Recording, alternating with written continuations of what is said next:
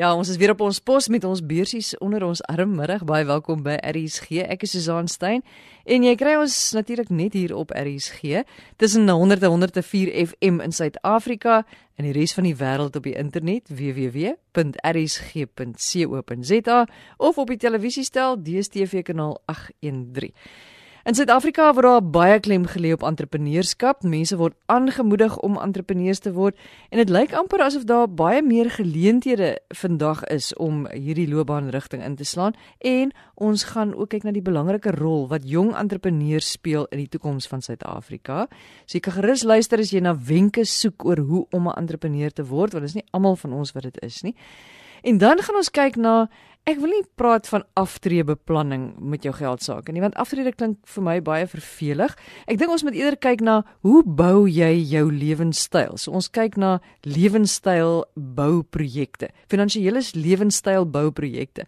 Dit is 'n konsep wat 'n mens eintlik maar gerus so gou as moontlik by jou kinders tuis kan bring dat hulle in beheer is van die soort lewe wat hulle graag wil hê. Natuurlik net tot soverre 'n mens in beheer is van jou lewe want 'n mens weet nou nie altyd wat met jou kan gebeur nie.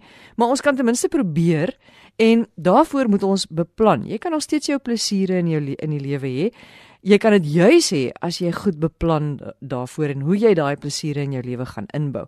Nou een van die maniere om dit te doen is om te bou aan jou finansies.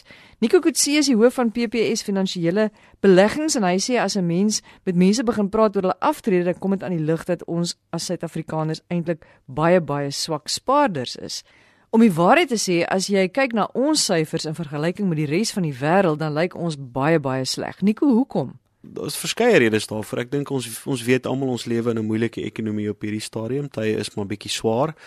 Uh rentekoerse het opgekom die afgelope paar jaar wat wat mense beïnvloed in terme van hoeveel hulle geld hulle moet spandeer om hulle skuld te te betaal, maar uh, ek dink die groot groot probleem met ons in Suid-Afrika het is meer oor die kultuur rondom spaar. Ons het nie 'n besparingskultuur nie. Ons is geneig om ons kry ons inkomste elke maand, ons koop ons goedjies wat ons nodig het en as daar ietsie oorbly aan die einde van die maand, dit spaar ons dan. En uh, as jy luister na Warren Buffett, hy het altyd gesê jy spaar eers jou geld en dit wat oorbly spandeer jy. Die, as jy kyk na die koers van spaar in Suid-Afrika, dis negatief in ons land. Met ander woorde, ons spandeer eintlik meer as wat ons inkry. So ja, ons is nie baie goeie bespaarders nie en dan 'n een syfer wat ek uh, altyd dan vas staar is by aftrede, die persentasie van mense wat kan aftree op ouderdom 65 en hulle lewensstandaard handhaaf is afhangende van na watter navorsing jy kyk maar is tussen 3 en 6%. Dis 'n baie baie lae persentasie. Dit is 'n groot teken dat mense tree nie genoeg voorsiening vir die dag vir wanneer hulle gaan aftree nie. So wat is die grootste foute wat ons maak wanneer dit kom by aftree spaar? Ek dink die grootste fout is mense beplan nie daarvoor nie. Dis een van daai goed wat ons weet dit kom iewers in die toekoms en Eh, die mense is maar geneig om om uit te stel en te sê goed ek sal maar sal later daaroor begin bekommer. So meeste mense, een van die groot foute wat hulle maak is hulle het nie 'n plan nie. Met ander woorde hulle hulle besef nie dat hulle deur net 'n bietjie vroeër te begin 'n baie groot impak kan maak nie. So mense wag te laat. Die wat wel ehm um, spaar vir aftrede, die instrumente wat hulle altyd gebruik, help hulle nie noodwendig om by hulle doelwitte uit te kom nie. Die ander groot fout wat ons ehm um, sien in Suid-Afrika en dit is amper onafhanklik van van inkomste vlak is wanneer mense van werke verander bewaar hulle nie hulle geld nie. Met ander woorde eh, daai geld wat uit jou pensioenfonds uitkom wanneer jy skuif van die een werk na die ander word nie gebruik om dan weer te te bewaar vir jou pensioen nie. Dit word maar gebruik om 'n kar te koop of 'n TV te koop of of, of so iets. Dis 'n baie groot probleem in ons land. Dis hoekom ons gesien het dat die selfs die wetgewer al nuwe regulasies in plek wou stel om mense te forceer om om daai geld te bewaar. Jy sê dis baie belangrik om te spaar met 'n einddoel in jou gedagte. So jy kan nie net sommer elke maand bietjie R50 hier en R200 daar nie. Jy moet 'n spesifieke doel hê. Iets is altyd beter as niks, maar wat ons baie keer vind met mense is is amper wanneer jy die gesprek begin oor aftrede dan sê man, goed, ek is nie bekommerd daaroor nie. Ek het 'n uitreë aan die tyd of ek spaar wel iets in my pensioenfonds. Die vraag is hoe weet jy of dit genoeg is? En dis regtig waar waar die groot probleem is. As jy geen idee het hoe naby jy gaan kom in jou einddoelwit nie, dan hoe gaan jy dit bestuur? En dis amper ek dink 'n groot probleem ons lewe onder 'n valse voorwendsel dat ons ons neem aan ons gaan oukei okay wees, maar ons het geen idee of ons is of nie. En teen die tyd wat ons werklik begin kyk en begin belangstel daarin is dit is dit al te laat en jou opsies is dan net soveel minder. So hoe vroeër jy weet, hoe hoe meer is is is daar wat jy daarin kan doen.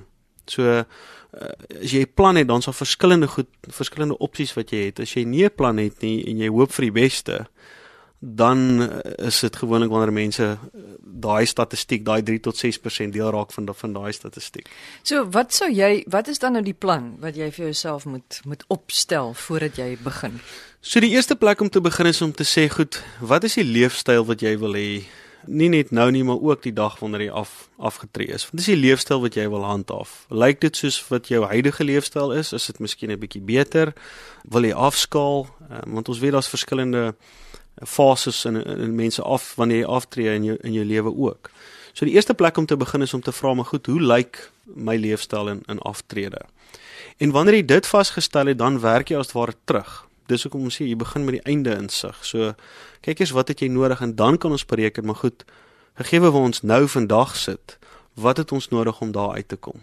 Hoe gaan ek weet op 25 hoe my leefstyl, jy weet wat ek nodig gaan hê om 'n spesifieke leefstyl op 65 te handhaaf? Wel, jy ken jouself. Jy weet, jy weet tog wat jou hoop, jou hoop en jou drome is en en en hoe jou lewe vir jou moet lyk. So dis eenvoudige goed. Hoe lyk jy huis waarin jy bly? Wil jy gereeld um, reis? Wil jy kinders hê? Wil jy naby aan jou kinders bly? Wil jy ver van jou kinders bly? En teen die laaste studies in Amerika wat sê dis miskien 'n bietjie beter om 'n bietjie verder van jou kinders af te bly in jou ou dae. So dit dit hang alles af dis vra wat ons as mense weet. En en ek dink daai fokus aanvanklik om die mens te verstaan en die unieke situasie vir die mens te verstaan is baie belangriker as net die syfers. Die syfers kom eers heelwat later. So ek dink wanneer jy met iemand gesels is dit belangrik dat daai gesprek dat daar baie vrae vir jou gevra word om te probeer verstaan maar goed dit beteken vir my prentjie van hoe lyk jou lewe.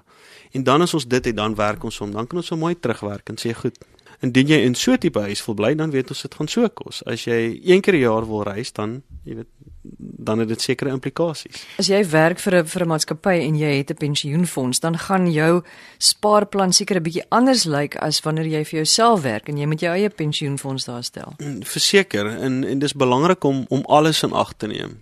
Wat ons ook baie keer vind met ons met ons lede, met ons kliënte is dat hulle doen in Engels noem hulle dit mental accounting. Ek weet nie wat noem jy dit in Afrikaans nie, maar hulle is geneig om hulle verskillende aspekte van hulle finansiële lewens heeltemal van mekaar te skei. En dit is belangrik om holisties na die persoon te kyk en te sê, maar goed, jy is by 'n ehm 'n werkgewer wat vir jou pensioenfonds verskaf, maar is dit genoeg? Waar is diegene wat self soos veral in die professionele mark meeste mense is maar in pri privaat praktyk?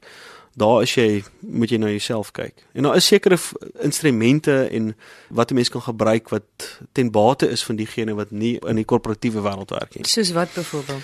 Ehm um, soos byvoorbeeld uitreaniteite. Dit is iets wat ek dink in Suid-Afrika 'n redelike slegte naam gekry het as gevolg van die onderliggende beleggings wat nie goed gepresteer het nie, maar die die produk self is eintlik 'n baie belastingvriendelike manier om te spaar en ek dink baie min mense verstaan al die voordele wat daar daaraan betrokke is, veral die in privaat praktyk. Intene hulle spesifiek geskep vir mense in privaat praktyk. Goed, jy moet asseblief vir ons wenke gee vir mense wat hulle aftrede redelik ernstig opneem en wat besluit ek wil regtig spaar.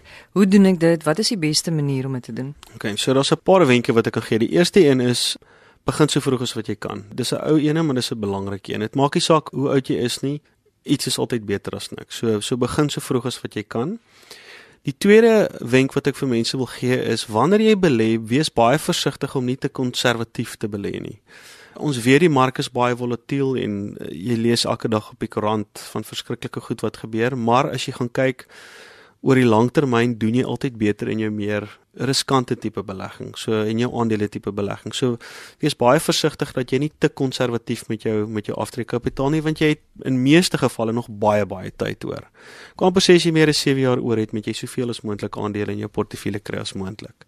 So moenie die geldjies in die in die geldmark in die bank gaan los nie. Jy jy gaan net stadiger arm word. En dan die derde wenk wat ek wil gee is kyk baie noukeurig rondom wat die fooie is wat jy betaal.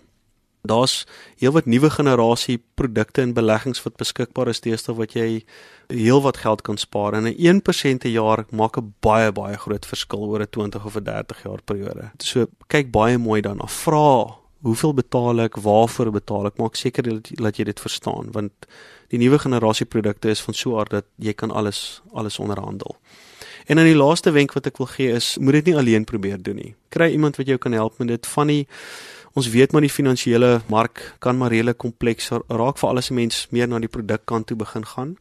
So kry jy iemand wat dit vir jou kan simplifiseer en jou en en dit vir jou kan sinvol maak sodat jy nie 'n gesprek net het oor oor syfers en oor terme wat jy nie verstaan nie, maar dit vir jou deel raak van jou plan, dit dat dit jou plan word. Mense fokus baie op aftree en jy moet jou hele lewe lank werk wanneer jy moet aftree, maar dan is daar ook mense wat sê jy weet tussendeur miskien 'n krisis kan jou tref. Jy weet mm. jy kan vir 'n jaar of twee kan jy dalk nie werk nie of jy besluit weet jy ek gaan oppak vir 'n jaar of twee en ek gaan 'n paar draaie deur die wêreld maak. Wat is jou raad aan so iemand? Want jy wil nog steeds aanhou spaar vir jou aftrede, maar jy wil ook lewe terwyl jy lewe. Ja, nee, dit is dit is baie belangrik en ek dink daar's amper hierdie binêre fokus of ek doen niks of ek moet alles doen vir my aftrede en en dis belangrik om te verstaan dat ek moet nog daar kom. So jy wil die op pad op pad na aftrede wil jy ook nog jou lewe kan lei. So weer eens dink ek is belangrik om om jou situasie nou te sien en te vra maar goed, wat is die leefstyl wat jy wil lei en dan jou finansies om dit dan te reflekteer. Daar wat ons baie meer mense help is net met begrotings. So bestuur jou begroting sodat dit jou in staat stel om jou lewe nou te kan lei soos wat jy wil, maar ook ook in die toekoms. En weer eens, daar is verskillende hefbome wat 'n mens het wat jy kan gebruik. Kom ons neem 'n voorbeeld. Nou nou besluit ek ek gaan nou vir 'n jaar gaan ek nie werk nie. Daar's maniere wat jy polisvakansies kan vat van jou produkte sonder om dit te kanselleer. Jou nuwe generasie aftreespaarprodukte stel jou in staat om jou bydraes te, te stop vir 'n periode van tyd. En solank jy 'n plan het wat sê maar goed, ek weet vir die volgende jaar gaan ek miskien 'n bietjie ophou, maar goed, ek dis hoeveel ek ekstra moet bysit wanneer ek weer terugkom. Dan kan jy dit met gemak doen, dan kan jy dit gaan geniet. Eerder as om nie te weet nie en terug te kom en dan 'n en dan 'n skok te ervaar. So dit is belangrik om aan leefstyl ook te dink. En ek meen dis eintlik eintlik waaroor dit deesdae gaan, nê, nee, nie net die aftreebeplanning en die geld nie, maar dit gaan oor jou leefstyl. Ja, dis heeltemal reg. Dit gaan oor jou dit gaan oor jou hele lewe. Van die dag wat jy gebore word eintlik tot die dag wat jy doodgaan en almal van ons het sekere behoeftes, sekere goed wat ons uit die lewe uit wil kry. En en ek dink die gesprekke wat ons moet hê met die mense wat ons help rondom ons rondom ons finansies moet meer begin fokus op hierdie lewenstyle. So daar's 'n gesegde wat ons wat ons onlangs gekry het. Ek dink is 'n ou ding van Abraham Lincoln wat hy gesê het it's not about the uh, years in your life it's about the life in your years. En dis regtig belangrik dat mens seker maak dat die goed wat jy uit die lewe uit, die geld stel jy net in staat om die lewe te kan lei wat jy wil. Dis 'n dis 'n middel tot 'n doel. Dis nie die doel in op sigself nie. So verstaan wat dit is wat jy uit die lewe uit wil kry en praat dan met iemand wat jou kan help om jou finansies so vir jou te laat werk dat jy dit kan bereik. Baie dankie Nico Kutse. Nico is die hoof van PPS Finansiële Beplanning. Ons gaan voort met rand en sent hier op RSG. En ek het vroeër gesê daar word deesdae baie klem gelê op entrepreneurskap in Suid-Afrika. Mense word baie aangemoedig om jou eie sake onderneming te begin. En ek praat nou met Kobus Engelbregt, hy is die bemarkingshoof van Sanlam Besigheidsmark en hy is ook die woordvoerder van Sanlam en Business Partners se entrepreneur van die jaar kompetisie. En Kobus sê Jong kinders, julle kan gerus luister want Kobus sê 'n mens kan nooit te vroeg begin om daai belangstelling vir entrepreneurskap te ontwikkel nie. En ons gaan nou kyk na sosiale media en watter rol dit speel by entrepreneurskap. Maar Kobus, eerstens, dit lyk asof daar al hoe meer geleenthede deesdae in ons land is om dan nou jou eie onderneming te begin. Is dit so?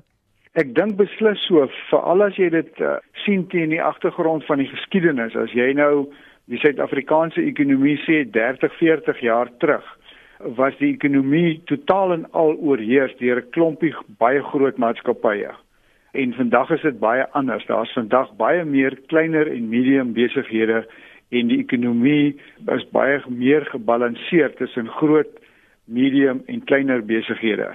So dit dit is vandag makliker vir 'n uh, entrepreneur en dan spesifiek ook vir jong mense om toe te tree tot die ekonomie deur jou eie besigheid te begin.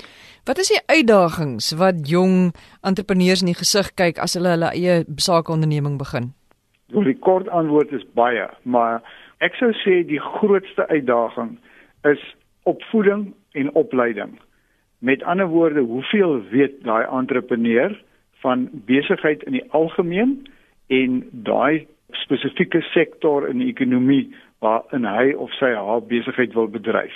So kennis, opleiding en vaardighede is baie belangrik. En dan saam daarmee gaan ook die toegang tot finansiering. Want eintlik gaan hierdie twee hand aan hand. As jy by 'n finansier geld wil gaan leen, dan kyk die finansier nie net na die potensiaal van die besigheid nie. Die finansier kyk ook na die persoon wat daai besigheid gaan bedryf en wat is die kennis en die vaardighede van daai spesifieke persoon. So hoe meer jy kan regte antwoorde gee met betrekking tot jou opleiding, ervaring en die kennis en die en die vaardighede wat jy het, hoe makliker gaan dit vir jou ook wees om geld te kan leen. Nou 'n jong entrepreneur kan natuurlik nie vreeslik staat maak op op ondervinding nie. Behalwe natuurlik daai ouetjies wat al van laerskole af koerante verkoop en allerlei goed doen, hulle het eintlik al besigheidservaring. Maar ek sou sê daai is die twee grootste uitdagings vir vir jong entrepreneurs. En watse raad het jy vir jong entrepreneurs om dan nou hierdie uitdagings die hoof te bied? Wel die eerste stukkie advies wat ek sou gee is jong mense en eintlik praat ek sommer hier al met kinders moet van 'n jong ouderdom af 'n belangstelling kweek in besigheid. Lees daaroor, lees die finansiële bladsye in die koerante en in die in die ander publikasies en vra vir mense om aan die begrippe aan jou te verduidelik wat jy nie verstaan nie. Gaan kuier vir ooms en tannies en mense wat jy ken wat besighede het. Vra vir hulle uit hoe werk die besighede? Hoekom doen hulle dit? Hoekom doen hulle dat? Hoekom doen hulle dit op 'n sekere manier met ander woorde kweek vir jouself daai belangstelling in besigheid want as jy 'n passie vir iets het en jou houding teenoor iets is positief dan kan jy alles leer wat jy behoort te weet, maar jy moet eerstens dit wil doen. Dis die belangrikste. Die rol van die internet vandag, watter rol speel dit in die lewe van 'n jong entrepreneur en hoe verskil dit dan met jy weet sê nou maar 30 jaar gelede toe daar nie sosiale media was nie? Ek sal graag die rol van die internet uh, en sosiale media eintlik wil in twee verdeel want uh, die internet is natuurlik baie meer as net die sosiale media. Maar kom ons kyk nou uh, sê 30, 40 jaar gelede. Uh enige iets wat jy wou weet oor enige iets, hoe jy dit uitgevind. Jy het na 'n biblioteek toe gegaan. So jy moes fisies by so 'n plek uitkom en 'n lid word van 'n biblioteek of jou skool se biblioteek.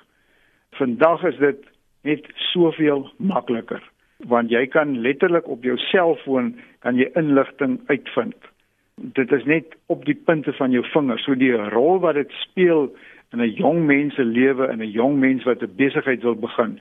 Dit dis 'n enorme rol wat dit speel want jy kan letterlik alles wat jy wil weet kan jy self gaan opsoek. So dit is nou die die in, kom ons sê die internet as 'n inligtingbron en dan sosiale media natuurlik kan jy gebruik om jou besigheid te bemark.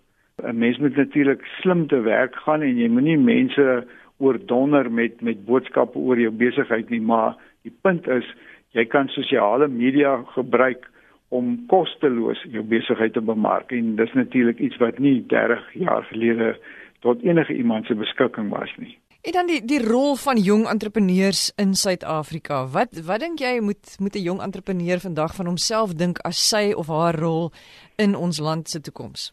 Suid-Afrika het nie in sy DNA die belangstelling om entrepreneurs te wees nie. Dis wat al die navorsing vir ons sê. Met ander woorde, ons is 'n uh, nasie van werksoekers, nie van werkskeppers nie. En dit is wat wat ons moet verander ons moet uh, vir onsself daai belangstelling en passie kweek om liewerster werkskeppers te wil wees eerder as werksoekers. Is daar 'n soort filosofie of ek wil amper sê 'n mantra wat 'n mens kan vir jouself oor en oor sê of waaraan jy moet dink of riglyne waaraan jy moet begin dink wanneer jy 'n entrepreneur wil word?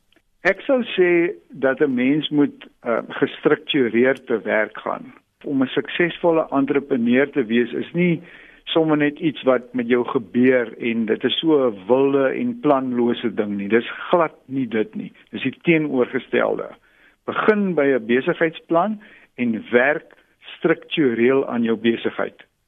En uh, dis belangrik dat 'n mens aan jou besigheid moet werk en nie net in jou besigheid nie. Die verskil is as jy in jou besigheid werk dan raak jy so vasgevang in die daaglikse aktiwiteite van om uh, verkope te jaag en te sorg dat mense jou betaal en al daai dinge 110 dinge wat 'n mens moet doen. Jy moet die geleentheid neem en jy moet jouself dwing om dit te doen uh, deur 'n sekere tyd van die dag en van die week op een te sit wat jy kan terugkyk en sê as ek nou van buite af na hierdie besigheid doen, wat moet die besigheid doen om beter en meer effektief te wees? Die belangrike ding is seker ook om vir jouself te kan leer om mislukkings te te aanvaar, want ek dink dis 'n groot probleem. Jy weet as een as iets een keer nie uitwerk nie, dan wil ons opgee. Dit is so, 'n mens noem dit sommer groot word ook. Jy weet, mense moet nie so kleinserig wees om enige ou dingetjie wat nou as iemand na jou kant toe mik, dan dan kus jy al nie, jy weet. Uh, mens moet en want ek wil nie die die dik vel uh, ontwikkel uh, uh, as 'n negatiewe begrip beskou nie. Met ander woorde, uh, as iemand sê jy het 'n dik vel, dan klink dit so half of jy onsensitief is. Dis dis nie dit nie. Dis net jy moet net leer om mislukkings te verwerk en elke keer wanneer iets verkeerd gaan, dan het jy 'n les gehad in besigheid. En dis hoe jy dit moet sien, want volgende keer as dit weer gebeur, dan is dit nie naaste by so erg nie. Is daar 'n plek waar jong entrepreneurs, mense wat nou miskien nou vanmiddag luister en hulle dink, "Joh, ek waar kan ek my kansse kry? Hoe kan ek meer inligting kry?" Het julle 'n webblad of het julle enige iets waar hulle kan gaan rondkrap en ja, rondsoek? Hulle kan gaan na Sanlam se webblad. Daar is 'n afdeling oor besigheidseienaars. Ons het 3 boeke wat ons gratis aanbied. Die een noem ons business game plan. Dit is iemand wat al reeds 'n besigheid het. Die ander een is die business turnaround boek vir 'n besigheid wat dinge bietjie verkeerd loop, hoe jy weer op die regte pad kan kom. En dan die business plan boek. Dit is bedoel vir iemand wat nog nooit 'n besigheid gehad het nie, maar ook iemand wat al reeds 'n besigheid het, maar wat nog nooit die moeite gedoen het om 'n besigheidsplan op te stel nie. En Al drie daai boeke kan van onskatbare waarde wees vir 'n jong entrepreneur want dit is baie prakties. Die business uh, plan boek byvoorbeeld vertel vir jou uh, hoofstuk vir hoofstuk hoe stel mense besigheidsplan op en dan jy kan dit uitdruk en dan kan jy dan is daar 'n plek waar jy kan skryf en dan kan jy jou plan opstel volgens die riglyne wat um, op die linkerkant se bladsy vir jou gegee word. Kobus baie baie dankie. Hier is nou lekker inligting wat 'n mens daar het om as jy enigstens daarin belangstel om jou eie onderneming te begin of as jy vir jouself wil gaan werk of as dit jou droom is, dan is dink ek dit is nou die regte pad om te volg. Dit was Kobus Engelbregt. Hy is die woordvoerder van Sanlam en Business Partners se entrepreneur van die jaar kompetisie. Dit is ook die einde van ons program. Onthou my e-posadres rsg@gmail.com. rsg@gmail.com. En as jy enige voorstelle het of wenke het of as jy vra het, stuur gerus 'n e-pos. En as jy weer na die program wil gaan luister, dan gaan jy na www.rsg.co.za.